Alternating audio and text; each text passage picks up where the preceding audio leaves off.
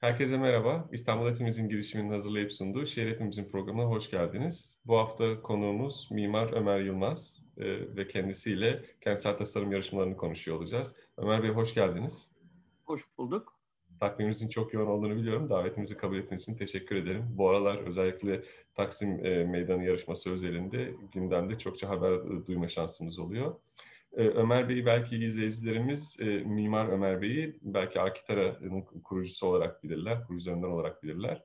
E, aynı zamanda bir sürü kentsel tasarım yarışmasının içerisine dahil olduğunu dahil olduğunuzu biliyoruz yıllardır. Aynı zamanda e, Kivi Stratejik e, Planlama firmasında koordinatörsünüz. Bir de son şapkalarınızdan biri İstanbul Planlama Ajansı Yarışmalar Biriminin koordinatörlerindensiniz. E, isterseniz e, hızlıca kentsel tasarım yarışmasının ne olduğunu e, tartışarak başlayalım. E, bu kentsel tasarım yarışmasının bir e, hukuki, yasal bir çerçevesi var mıdır? E, nasıl değerlendirmeliyiz? Ee, şöyle başlayalım. Ee, Türkiye'de bütün yarışmaların e, hukuki bir çerçevesi var aslında. Kamunun açtığı bütün yarışmaların e, diye altını çizerek başlayayım e, kamu dışındaki alanda büyük bir belirsizlik var. Yani Mimarlar Odası'nın bir kendi yönetmeliği var ancak onun e, toplumsal hayatta bir karşılığı, zorunluluğu yok. Ancak her kamu e, kurumu e, yarışma açtığında bir yönetmeliğe uymak zorunda. Resmi bir yönetmeliği var. As, aslında yarışma açtığında demeyelim, şöyle diyelim. Herhangi bir kamu kurumu bir tasarım için birden fazla seçenek elde etmek istiyorsa aynı mimarın üç tane çizmesi şeklinde değil de bir, birden fazla mimara resmi ödeme yaparak seçenek elde etmek istiyorsa bununla ilgili olarak yarışma açmak zorunda. Türkiye'deki şu andaki ihale mevzuatında.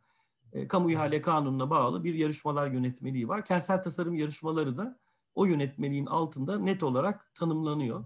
E, işte kentsel mekanın e, düzenlenmesine ilişkin e, açık alanlarda, meydanlarda, caddelerde, kimi zaman kentsel dönüşümle ilgili konularda ki yarışmalar kentsel tasarım yarışmaları olarak e, tanımlanıyor yönetmelikte. Yani çok net bir tanımı var.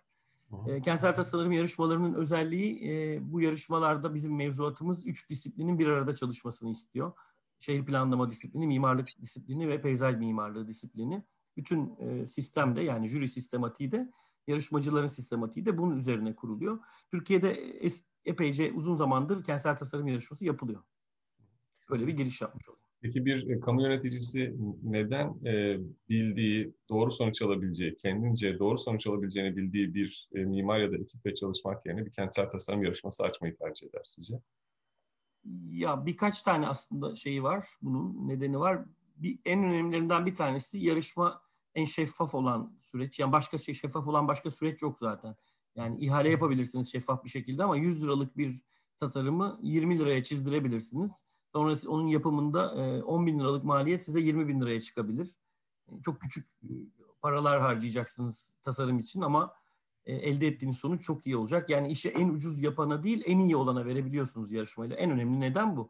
İkincisi siyasiler kimi zaman yarışmanın görünür olmasından yararlanarak pazarlamalarını yapmak istiyorlar. Bu da aslında kabul edilebilir bir şey. Siyasetin içine eline argüman oluşturuyor.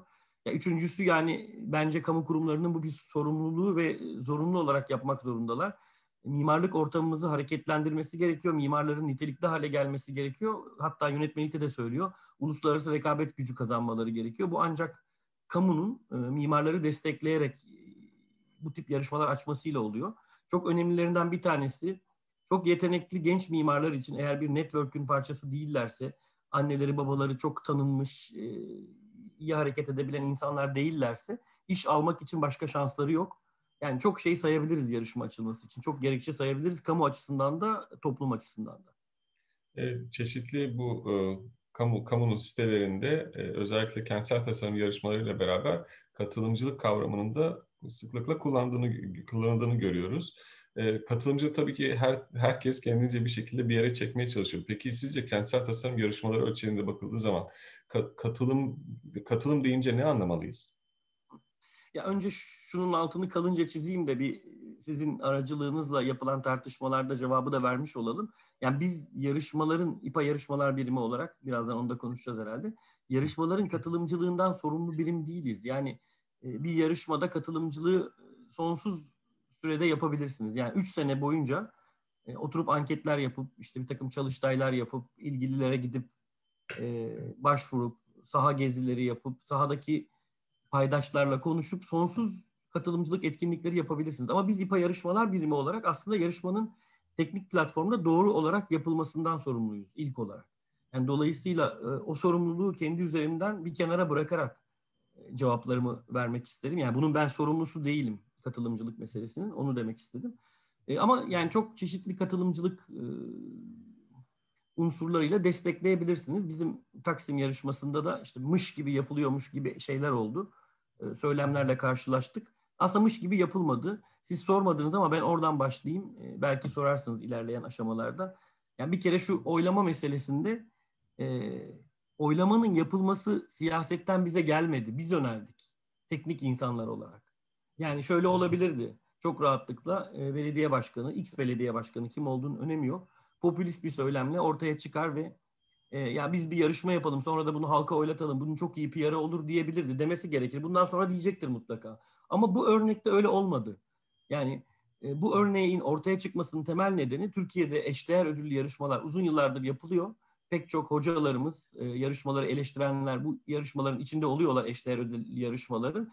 Ancak eşdeğer ödül ortaya atılıyor. Yani diyelim ki beş tane eşdeğer ödül belirliyorsunuz. Bunu idareye veriyorsunuz. Ondan sonra idare bu eşdeğer ödüllerle e, kedinin e, ciğerle oynadığı gibi oynuyor. Yani çağırıyor mimarları en ucuz verene işi vermek istiyor. Kamu yararından çok kendi siyasi çıkarına bakabiliyor falan böyle bir sürü hikayeler. Bunlar oldu yani. Yok yakın geçmişte çok ünlü hocaların, jürilerde çok bulunan insanların içinde bulunduğu yarışmalardan böyle sonuçlar çıktı.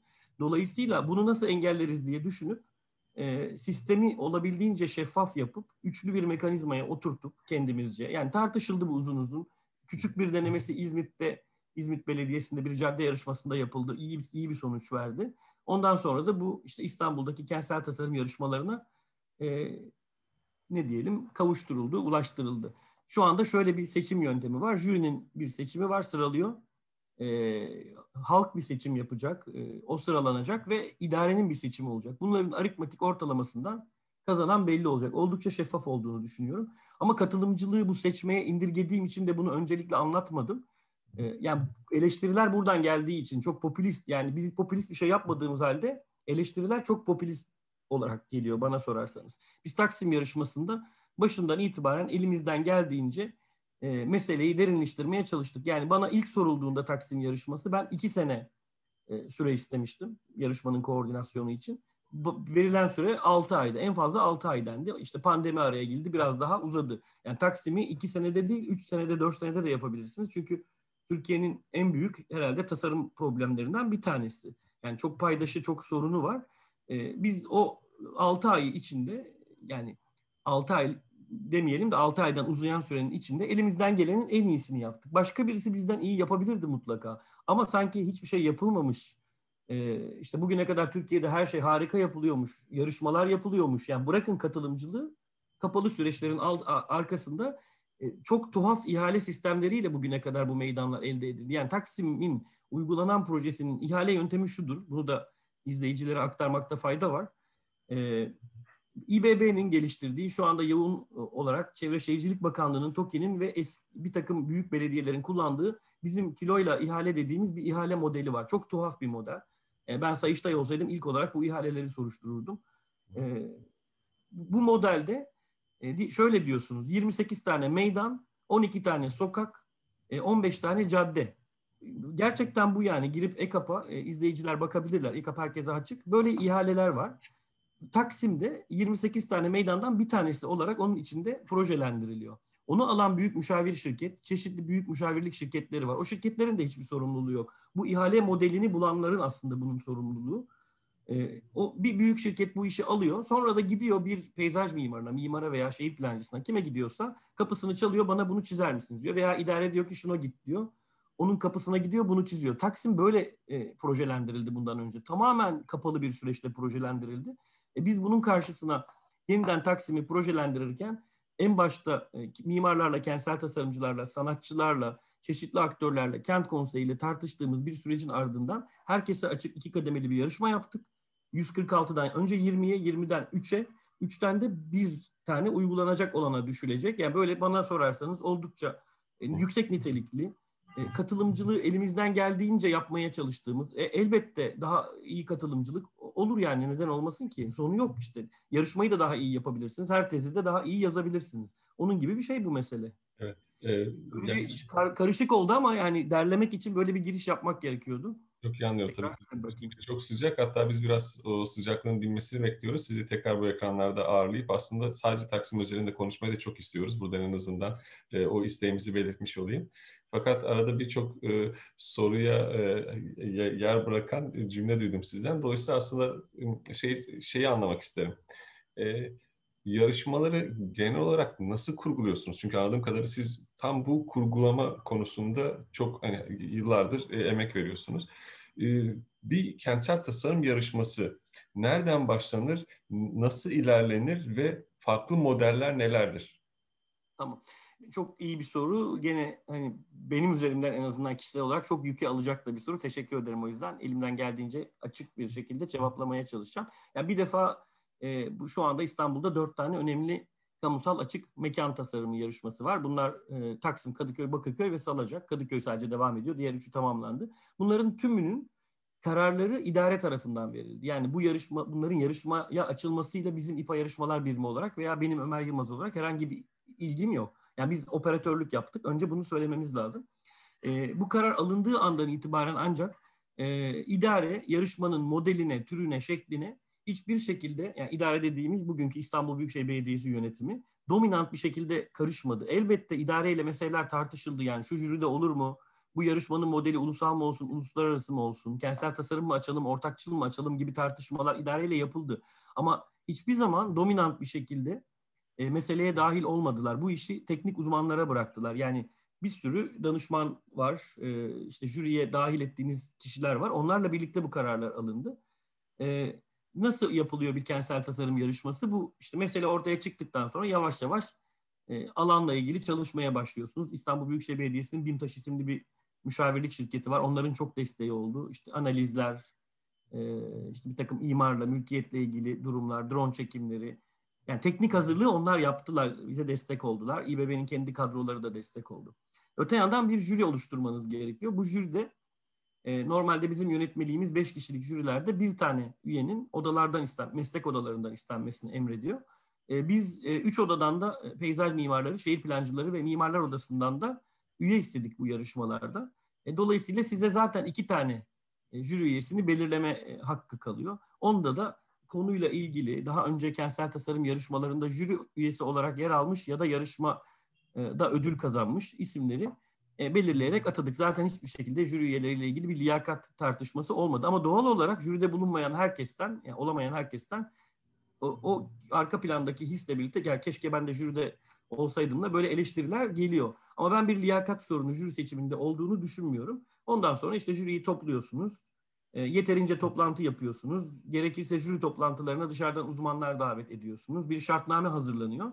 O şartname resmi gazetede yayınlanarak e, yarışma başlıyor. Bu noktada e, hem benim kişisel tecrübem yani gerçekten çok sayıda yarışmada bulundum organizasyonda özellikle hem de ekibin yani İPA yarışmalar biriminin e, varlığı ve tecrübesiyle aslında şartnamelerde biz jürinin işini çok kolaylaştırdık. Öyle olunca da işte bir sürü başka mesele işin içine girdi. Yani şartnameler bir kere bana sorarsanız Türkiye'deki genel niteliğin üstüne bir yere yerleşti otomatik olarak. Yani hem çok sayıda bir sene içinde 10 tane yarışma açacaksınız ee, bir önceki yönetim 20 senede ancak 10 tane yarışma açmıştı. Biz bir senede 10 tane yarışma açtık. Hem de niteliği çok iyi bir yere koyacaksınız. Bu kolay bir şey değil. Çok çalışmayla ve niteliği iyi, oldu. Evet. Niteliği iyi yere koyanlar daha çok şart yani şartnamenin e, e, üzerindeki emekten dolayı mıdır? Ve şartnameyi biz izleyiciler için, hani konuya hakim olan izleyiciler için biraz açabilir misiniz? O şartname ne oluyor? Tabii.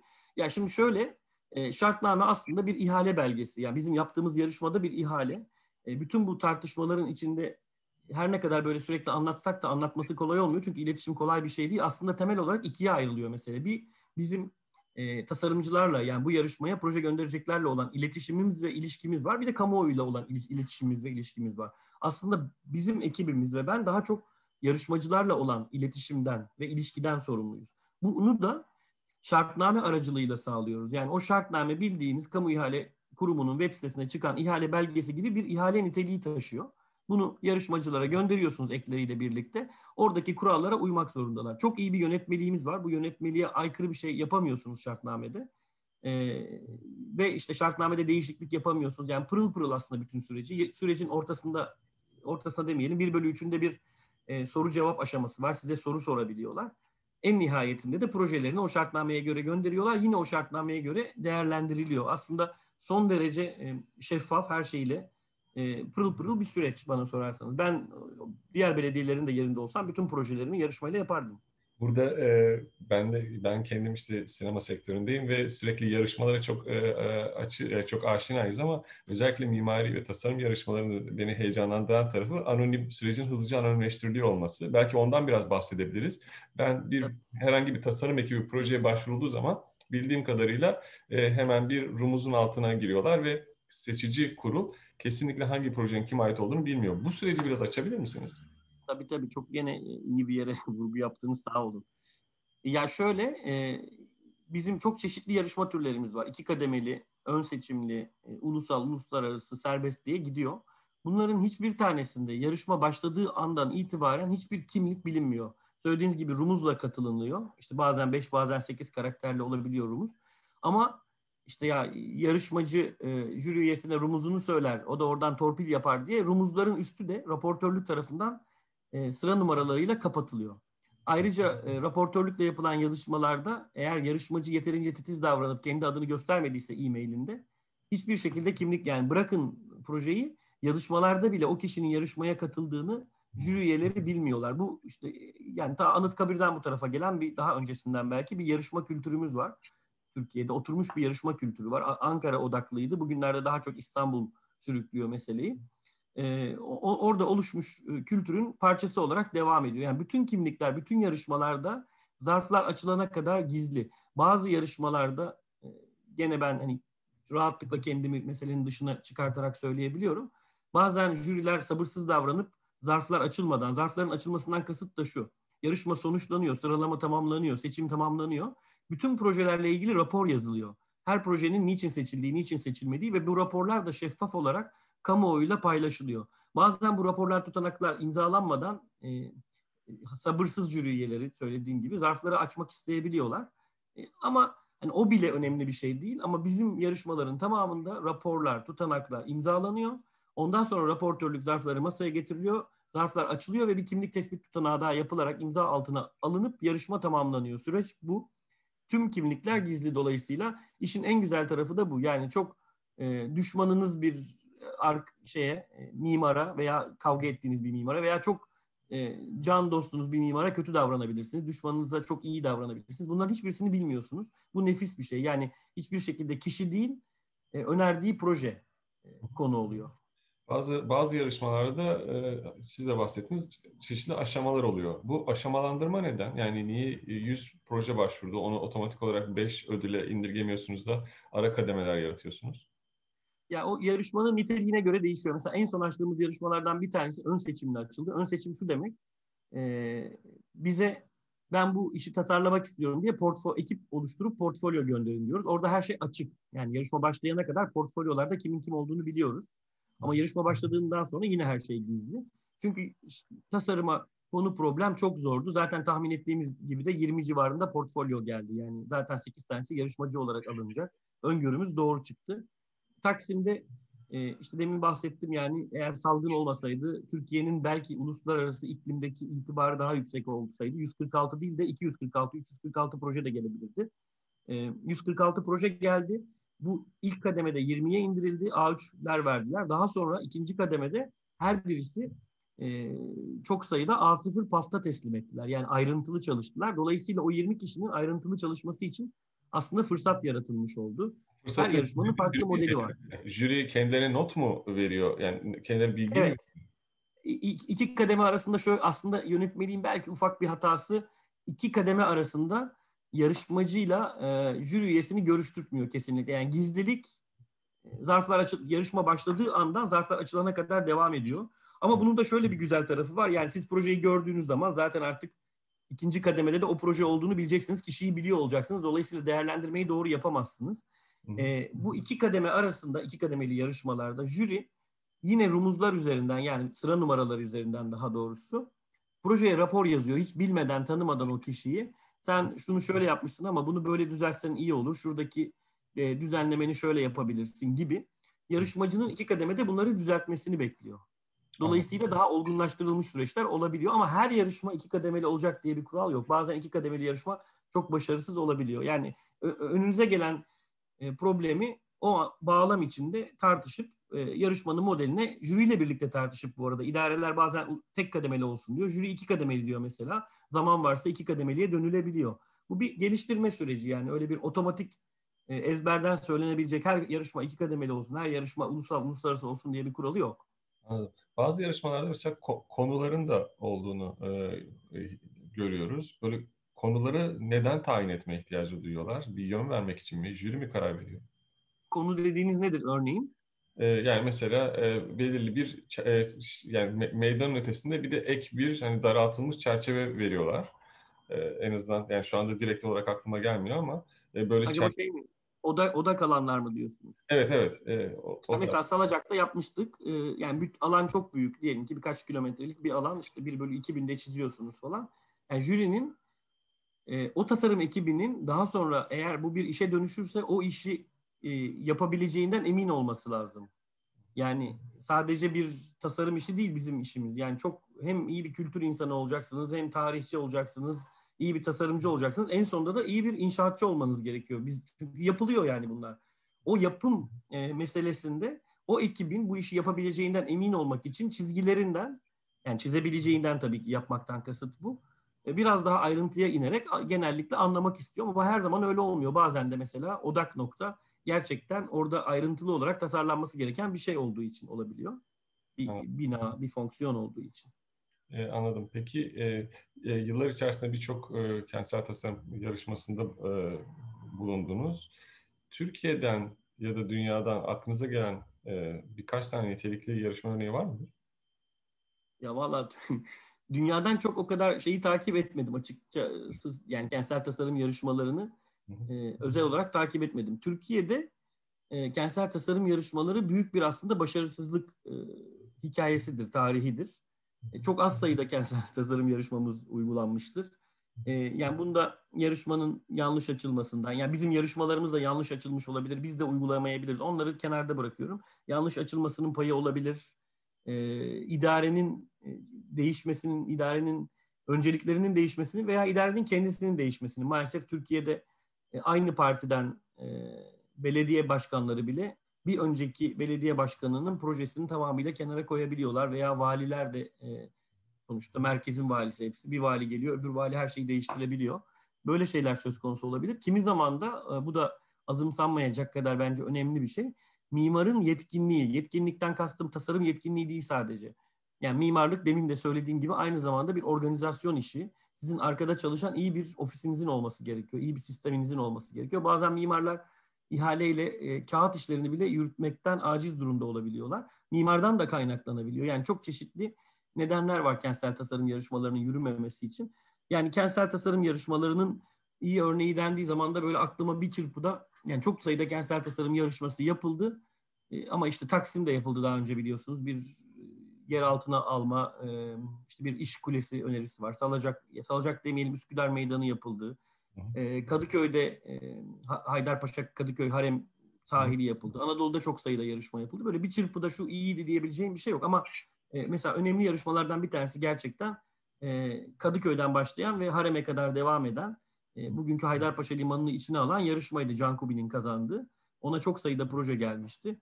E, işte bugün Kadıköy yeniden ardından yarışmaya söz konusu oluyor.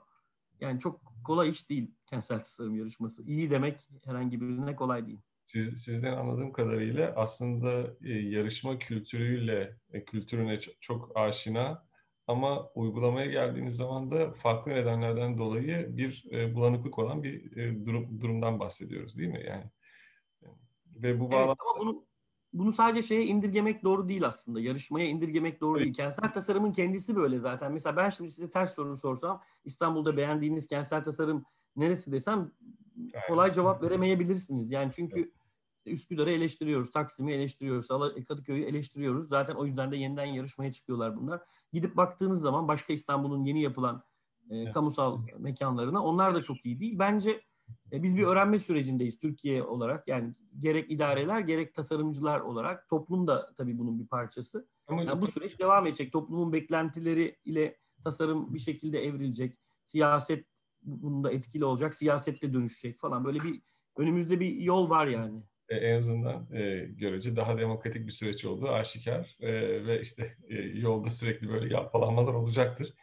Peki kamu yöneticisi tarafından baktığınız zaman evet o zaman anladığım kadarıyla bir tayin edersiniz yani hemen ihaleye çıkarsınız yapılır ya da daha demokratik, demokratik bir şekilde katılımcı bir şekilde yarışmaya sunarsınız. Sonucu e, idareci için biraz daha zor bir yere doğru gider diye anlıyorum.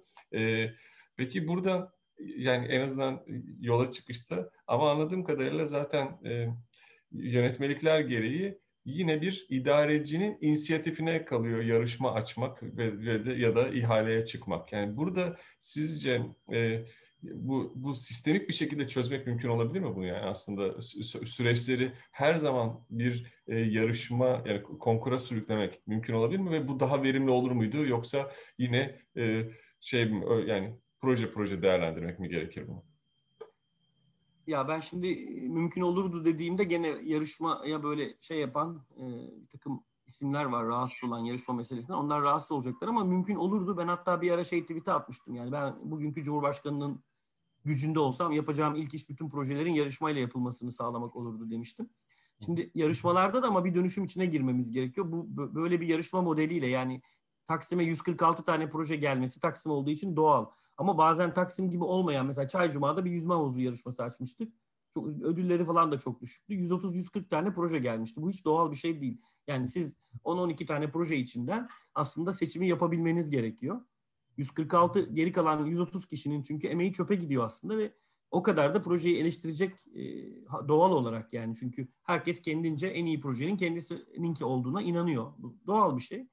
E, problem oluyor. Şimdi burada esas emek kaybını engellemek için her şeyi yarışmayla yapmak bana göre. Ama ön seçimli model. Yani ön seçimden kastım da havuz modeli aslında. İlla ön seçimli olması gerekmiyor. Ee, yani yarışmacıları belli alanlara kendi tecrübelerine göre yönelten model doğru model. Bu zaten Almanya'da tamamen böyle uygulanıyor. Ee, yani bizdeki gibi e, bir yarışmalar yönetmelikleri yok. İşte biz yılda 10 tane yarışma açtık diye seviniyoruz ama orada yılda bir eyalet 120-130 tane yarışma açıyor. Bunların ancak 8-10 tanesi açık yarışma. Yeni isimleri, gençleri oluşturmak için. Geri kalan 100-120 tanesi e, davet davetli demeyelim yine ön seçimli. Yani oradaki ön seçim modelinde de e, işte daha önce yarışmalarda ödül almış olmak, e, binaları bitirmiş olmak gibi meselelerden e, puan kazanarak yarışmaya kabul ediliyorsunuz. E, binanın ya da yarışmanın fiyatı zaten bir konu değil çünkü Alman federal mimarlık sistemi e, binanın fiyatını bir tartışma olmaktan çıkartıyor. Yani yüzde 20'ye kadar toplamda ulaşan bir e, projelendirme maliyeti var. Öyle olduğu için de işte Almanya'daki binalar, Almanya'daki binalar bizimkilerde yüzde birin altına düşen e, projelendirme maliyetleriyle bugün yaşadığımız kentler oluyor. Evet yani bu önerdiğiniz şey aslında davetli yarışma gibi bir şey mi anlıyorum? Çünkü davetli yarışma diye bir kulağımda bir kavram da var. O mudur yok, acaba? Yok yok. Kesinlikle davetli değil. Ee, yani şöyle diyelim ki siz örnek üzerinden gidelim. Bugün Kadıköy Belediye binasını e, yarışmaya açacaksınız. E, o yarışmayı ön seçimli gibi yapıyorsunuz. Yani diyorsunuz ki ben Kadıköy Belediye binasını yarışmaya çıkıyorum. Bunun yarışma bedeli bu, projelendirme bedeli şu kadar fiyata yapılacak. Bunlar tartışma konusu değil yani. İhalede bütün mesele kaç lira ucuza yaparsına geliyor. Yani binayı 100 milyona bitireceksiniz. Projesi 2 milyon lira. E, o 2 milyondan da 1 milyon lira daha kırpayım diye bakıyor kamu. Çok yanlış. Çünkü zaten 200 milyon lirada bir hata yaptığınızda 20 milyonunuz, 50 milyonunuz gidiyor. Çok rastlıyoruz bunlara e, davetli değil, ön seçimli portfolyo veriyorsunuz. Sizi daha önce yaptığınız işler üzerinden puanlandırıyorlar. Diyelim ki 10 tane ekibi ya da 20 tane ekibi o yarışmaya kabul ediyorlar. Yani bizdeki ön seçimli model aslında. Anladım. Anladım. Bunun nedeni de şu yani illa ön seçimli olması da gerekmiyor. Sadece e, her şeyi açık yaptığınız zaman güçlü tasarım problemlerine çok katılım olacak. Yani çok sayıda yarışma olduğunu düşünelim bugün Türkiye'de. 50 tane bir gün hayal, hayal edelim. Aynı anda 50 yarışma var. Bizim yarışma ortamımız bunların hepsine birden cevap verebilecek nitelikte değil şu anda. Nitelik acayip aşağıya düşebilir. Şu anda bile biz İBB olarak çok hızlı yarışma açtığımız için eleştiriliyoruz bir yandan. bunu yönetmenin yolu e, yarışmacıların gücünü kontrol etmek. Yani kontrol etmekten kasıt da dağıtmak aslında eşit olarak. O dağıtımı sadece e, rastlantısal olarak yarışmaları açıp e, kendiliğine bırakırsanız iyi bir sonuç elde edemeyebilirsiniz. Dolayısıyla da yönetilmesi gerekiyor o sürecin. Peki e, son dönemde bahsettiğiniz üzere İstanbul Planlama Ajansı'ndaki pozisyonunuz dolayısıyla da sormak isterim. İstanbul'da bu aralar bir yarışma yoğun bir özel bir durum var. Bu bunu nasıl değerlendirmeliyiz? Neden e, bir yılda bu kadar yoğun bir yarışma? Buradaki inisiyatif kimdedir ve bu, bu bir deney midir? Ne, nasıl yaklaşmamızı düşünürsünüz? Yani, elbette bir deneydir çünkü yani İstanbul Büyükşehir Belediyesi ölçeğinde yani Türkiye'nin en büyük holdingi, en büyük belediyesi, en büyük her şeyi yani. Bu ölçekte e, yaptığımız şey bana sorarsanız çok deneysel bir şey. Ancak 8-10 sene sonra herhalde üzerine düşünüldüğü zaman e, iyi mi yapıldı, kötü mü yapıldı anlayacağız. Hı hı. Konkur İstanbul bir e, sitede e, yarışmalar başladı. Aha. Aslında hepsine... Böyle hemen de, ben bağlantı koptu sandım. Hemen deneyselden sonra esas sorunuzun esas cevabını vereyim. Şimdi bir kere bu yarışmalar neden açılıyor? En basit nedeni Ekrem Bey, e, Beylikdüzü Belediye Başkanı iken zaten üç tane yarışma yapmıştı ve dolayısıyla tecrübeliydi. E, biz de işte ekip olarak hem ben hem de benim e, İPA yarışmalar biriminde çalışma arkadaşım olan Başak Çelik, Mimar Başak Çelik o yarışmalarda vardık zaten, içindeydik. E, dolayısıyla tecrübenin arkasından aslında gelen e, bir takım yarışmalar olduğu için e, açıldı. E, ilk yarışmalardan sonra eğer başarılı olamasaydık e, bence yarışma süreci devam etmezdi. Başarılı olduğumuzu bunu da çekinmeden e, söylemek istiyorum. Yani ekip ekip çalışması sadece benden benden sadece benden yanlış aslında benden hiç kaynaklanmıyor. Tam bir ekip çalışması.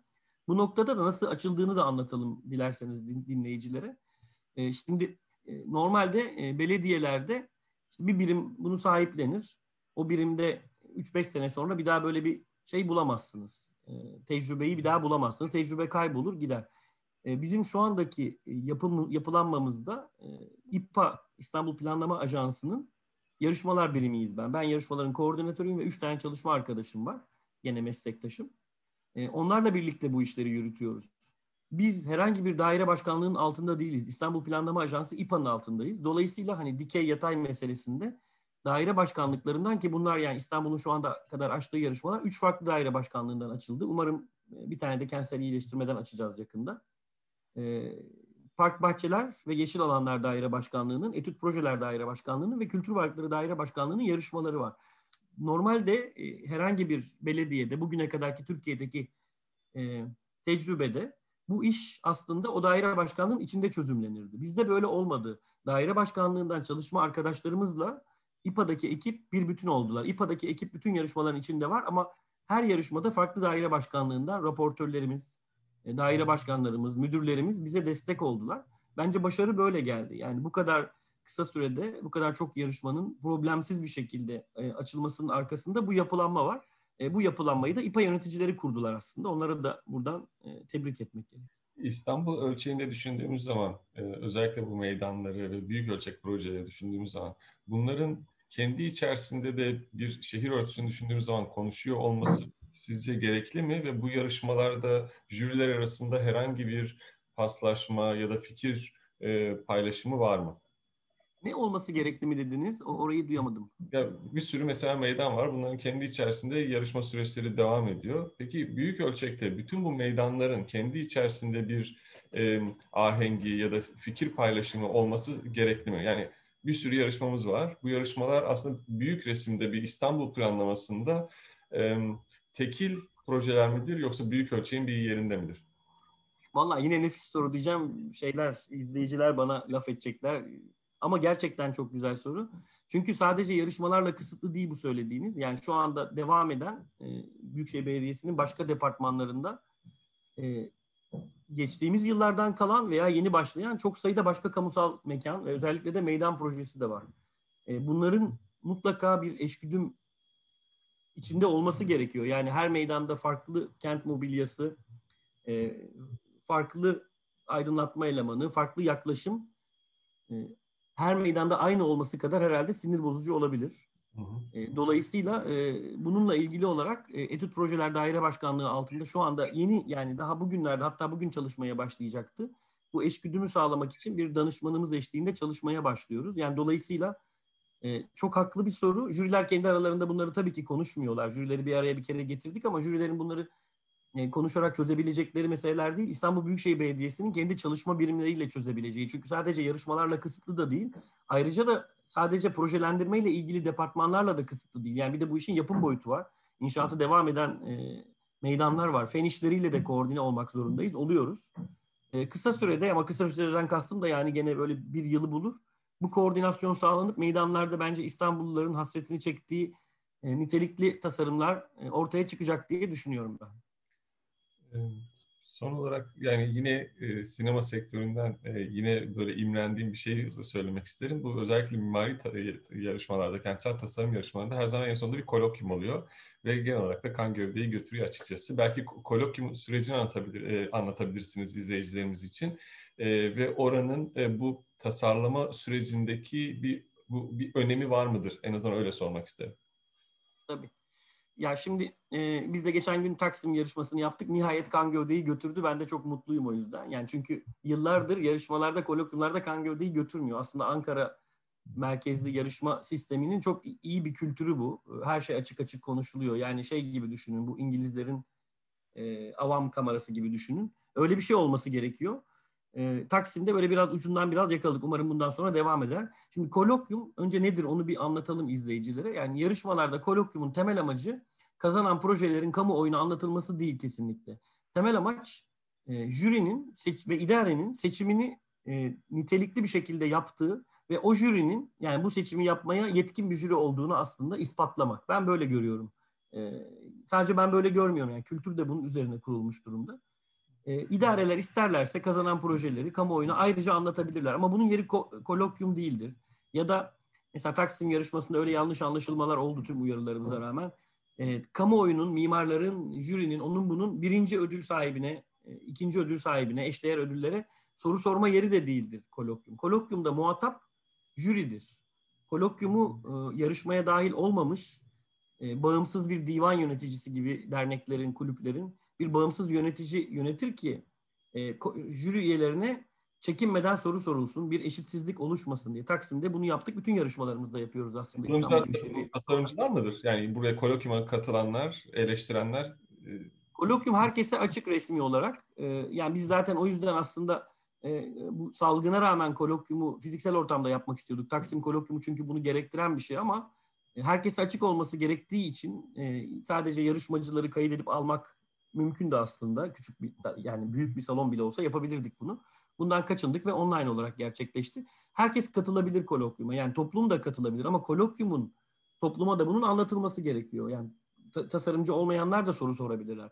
Kolokyumun sadece temel amacı kazanan projenin aktarıldığı etkinlik değildir. Yani bunun altının iyice çizilmesi gerekiyor. Çünkü onu yaparsanız bu sefer e, yarışmacıların jüriyi sorguya çekmesini engellemiş oluyorsunuz. Yani odak tamamıyla farklı bir yere kayıyor. Halbuki odağımızın e, jürinin çalışmasını nitelikli bir şekilde e, işte demin söylediğiniz gibi herhangi bir şekilde üçkağıt yapmadan e, zaman ayırarak yaptığını e, özellikle bu işe emek harcayan yarışmalara anlattığı yerdir kolokyum. Taksim'i düşünecek olursak ben 10 dedim ama e, görüyorum ki Taksim'de bir ekipte ondan da fazla insan emek vermiş. Yani 10 deseniz 20 deseniz yaklaşık olarak 1500-2000 kişinin emeği söz konusu. Bu emek veren kişilerin jüri çalışmasının nitelikli yapıldığını anlama işidir aslında kolokyum. Evet. E, ya çok teşekkürler. Yani özellikle e, biz sürekli işte katılımcı, şeffaf bir kent konuşmaya gayret ediyoruz bu programda. Özellikle yani kentsel tasarım yarışmalarının böyle altın tepside sunulmaktan ziyade aslında bu beraber düşünmeye ne kadar açık ve aslında sürecin giderek iyileşmeye de muhtaç olduğunu en azından yani en azından e, daha demokratik bir sürecin işletilmeye çalıştığını gör, görmek e, heyecan verici. E, umarım hani bir sonraki e, programımızda e, sizi bu yarışma süreçleri bittikten sonra ya da belki halk, halk oylaması sürecine tekrar ağırlar. Özellikle Taksim özeline daralıp e, oradan da farklı sorularla sizden dinlemek isteriz süreci. Çok teşekkür ederim katıldığınız için. Ben teşekkür ederim. Çok sağ olun. Çok sağ olasınız. Çok kolaylıklar dileriz bütün bu kalan e, tasarım yarışmaları süreçlerinde. Ee, evet bir programımızın daha sonuna geldik. Ee, Ömer Yılmaz'a tekrar çok teşekkür ederiz. Ee, önümüzdeki haftaya kadar bize ulaşmak isterseniz İstep'imizin sosyal medya hesaplarından ulaşabilirsiniz. Görüşmek dileğiyle iyi haftalar.